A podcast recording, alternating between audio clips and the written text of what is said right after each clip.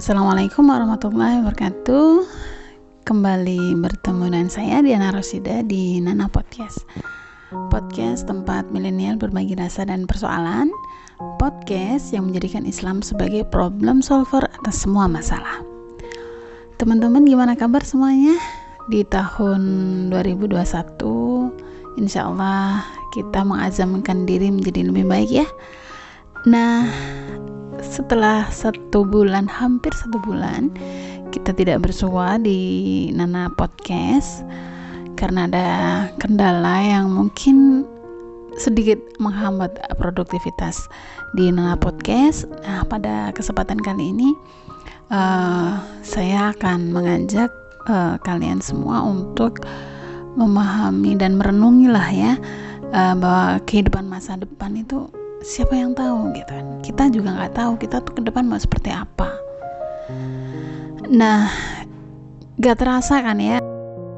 Tahu-tahu kita udah masuk di tahun 2021 terus di tahun 2020 kita juga bisa merasakan masya Allah begitu banyaknya ujian yang kita hadapi gitu ya di mana ujian-ujian itu menuntut kesabaran-kesabaran kita hujan yang Allah berikan memang tidak ada yang bisa menuganya gitu ya. Ada pandemi yang sedemikian hebatnya gitu yang sudah merenggut sekian puluh ribu nyawa gitu kan. Dan Allah mengetahui segala sesuatu sedangkan kita tuh nggak tahu apa-apa. Di balik itu semua seperti yang diberitakan di dalam Al-Quran surat Al-Baqarah ayat 214 Apakah kamu mengira bahwa kamu akan masuk surga, padahal belum datang kepadamu cobaan seperti yang dialami orang-orang terdahulu sebelum kamu? Mereka ditempa kemelaratan, penderitaan, dan diguncang dengan berbagai cobaan. Sehingga Rasul dan orang-orang yang beriman bersamanya berkata bahwa kapankah datang pertolongan Allah? Ingatlah sesungguhnya pertolongan Allah itu dekat. So, jangan pernah nyerah ya, dan jangan pernah putus asa dengan ujian-ujian yang Allah berikan kepada kita. Mulai ujian bagi para siswa yang susah belajar daring, kemudian tugas yang numpuk melebihi cucian baju gitu kan, sampai banyak kasus pelajar yang mengakhiri nyawa karena putus asa. Astagfirullahaladzim, jangan sampai deh kita seperti itu. Nauzubillah semoga kita tidak termasuk yang demikian. Karena sungguh kita memahami bahwa setiap ujian itu pasti ada kebaikannya. Insya Allah, semua ujian itu akan menguatkan kita, akan membuat kita menjadi pembelajar, akan membuat kita menjadi semakin berpengalaman dalam menghadapi lika-liku kehidupan. Jadi perlu diingat bahwa tahun yang lalu harus menjadi perenungan, jadi bahan evaluasi untuk melangkah ke depan dan melangkahnya tuh nggak asal melangkah gitu ya. Melangkahnya itu dengan ayunan kaki yang senada dengan aturan main yang Allah berikan dengan sang pencipta yang menciptakan kita gitu loh.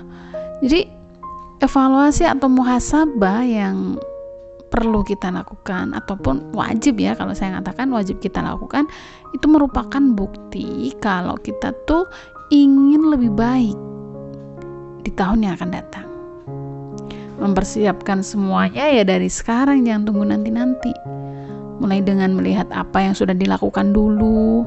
Jika bernilai baik di hadapan Allah maka terus lanjutkan. Jika tidak manfaat tinggalkan. Itulah pesan Rasulullah. Jadi banyak deh pokoknya cara-cara untuk mempersiapkan diri tahun yang akan datang. Sampai-sampai banyak juga loh yang salah kaprah ini. Apalagi kalau bukan percaya ramalan jadi kalau melihat kondisi umat saat ini kalau mau masuki tahun baru tuh hampir semua paranormal memprediksi segala hal yang akan terjadi di tahun yang akan datang.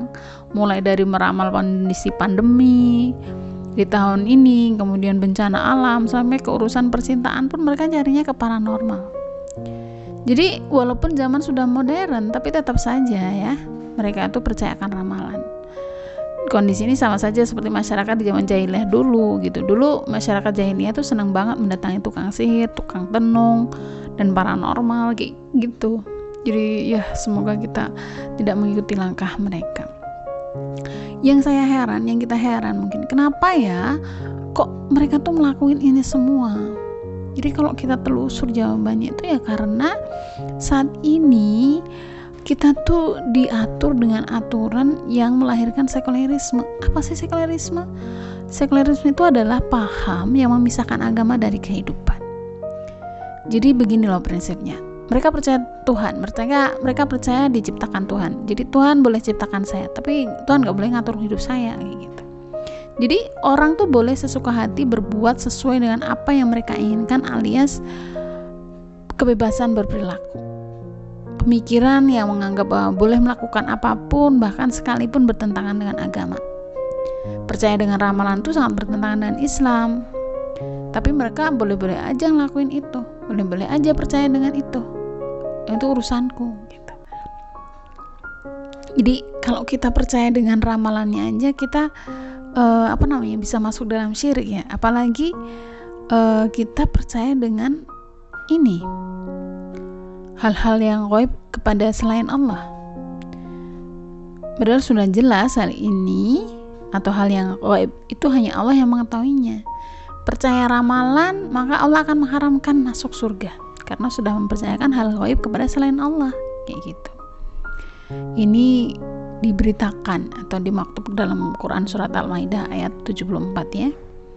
Barang siapa, sungguh barang siapa mempersekutukan sesuatu dengan Allah, maka sungguh Allah mengharamkan surga baginya dan tempatnya ialah neraka. Dan tidak ada seorang penolong pun bagi orang-orang yang zalim itu. Padahal hal yang gaib hanya Allah yang mengetahui semuanya. Sebagai seorang muslim kita harus percaya bahwa apa pun ketetapan Allah baik dan buruk adalah yang terbaik bagi kita. Jadi memang sudah jelas ya. Seolah kita tuh nganggap itu buruk, padahal itu baik buat kita. Seolah kita nganggap itu tuh baik, padahal itu buruk bagi kita. Ya karena kita memang lemah akal. Kita hanya seorang hamba gitu. Jadi sebagai seorang muslim yang bisa kita lakukan adalah beramal sesuai dengan apa yang sudah Allah berikan aturannya, tuntunannya yaitu sesuai dengan hukum syarat. Beramal secara optimal gitu ya. Kemudian selalu berusaha berada dalam koridor al, uh, koridor Al-Qur'an dan As-Sunnah. Mengenai apa pun yang menimpa kita di masa depan, semua kita serahkan pada Allah. So nggak usah perlu khawatir dengan kehidupan yang yang akan datang karena kita punya Allah jalani kehidupan saat ini dengan sebaik mungkin supaya Allah ridho sama apa yang kita lakukan. Semangat beramal soleh, wastabiqul khairat. Kita berlomba-lomba dalam kebaikan.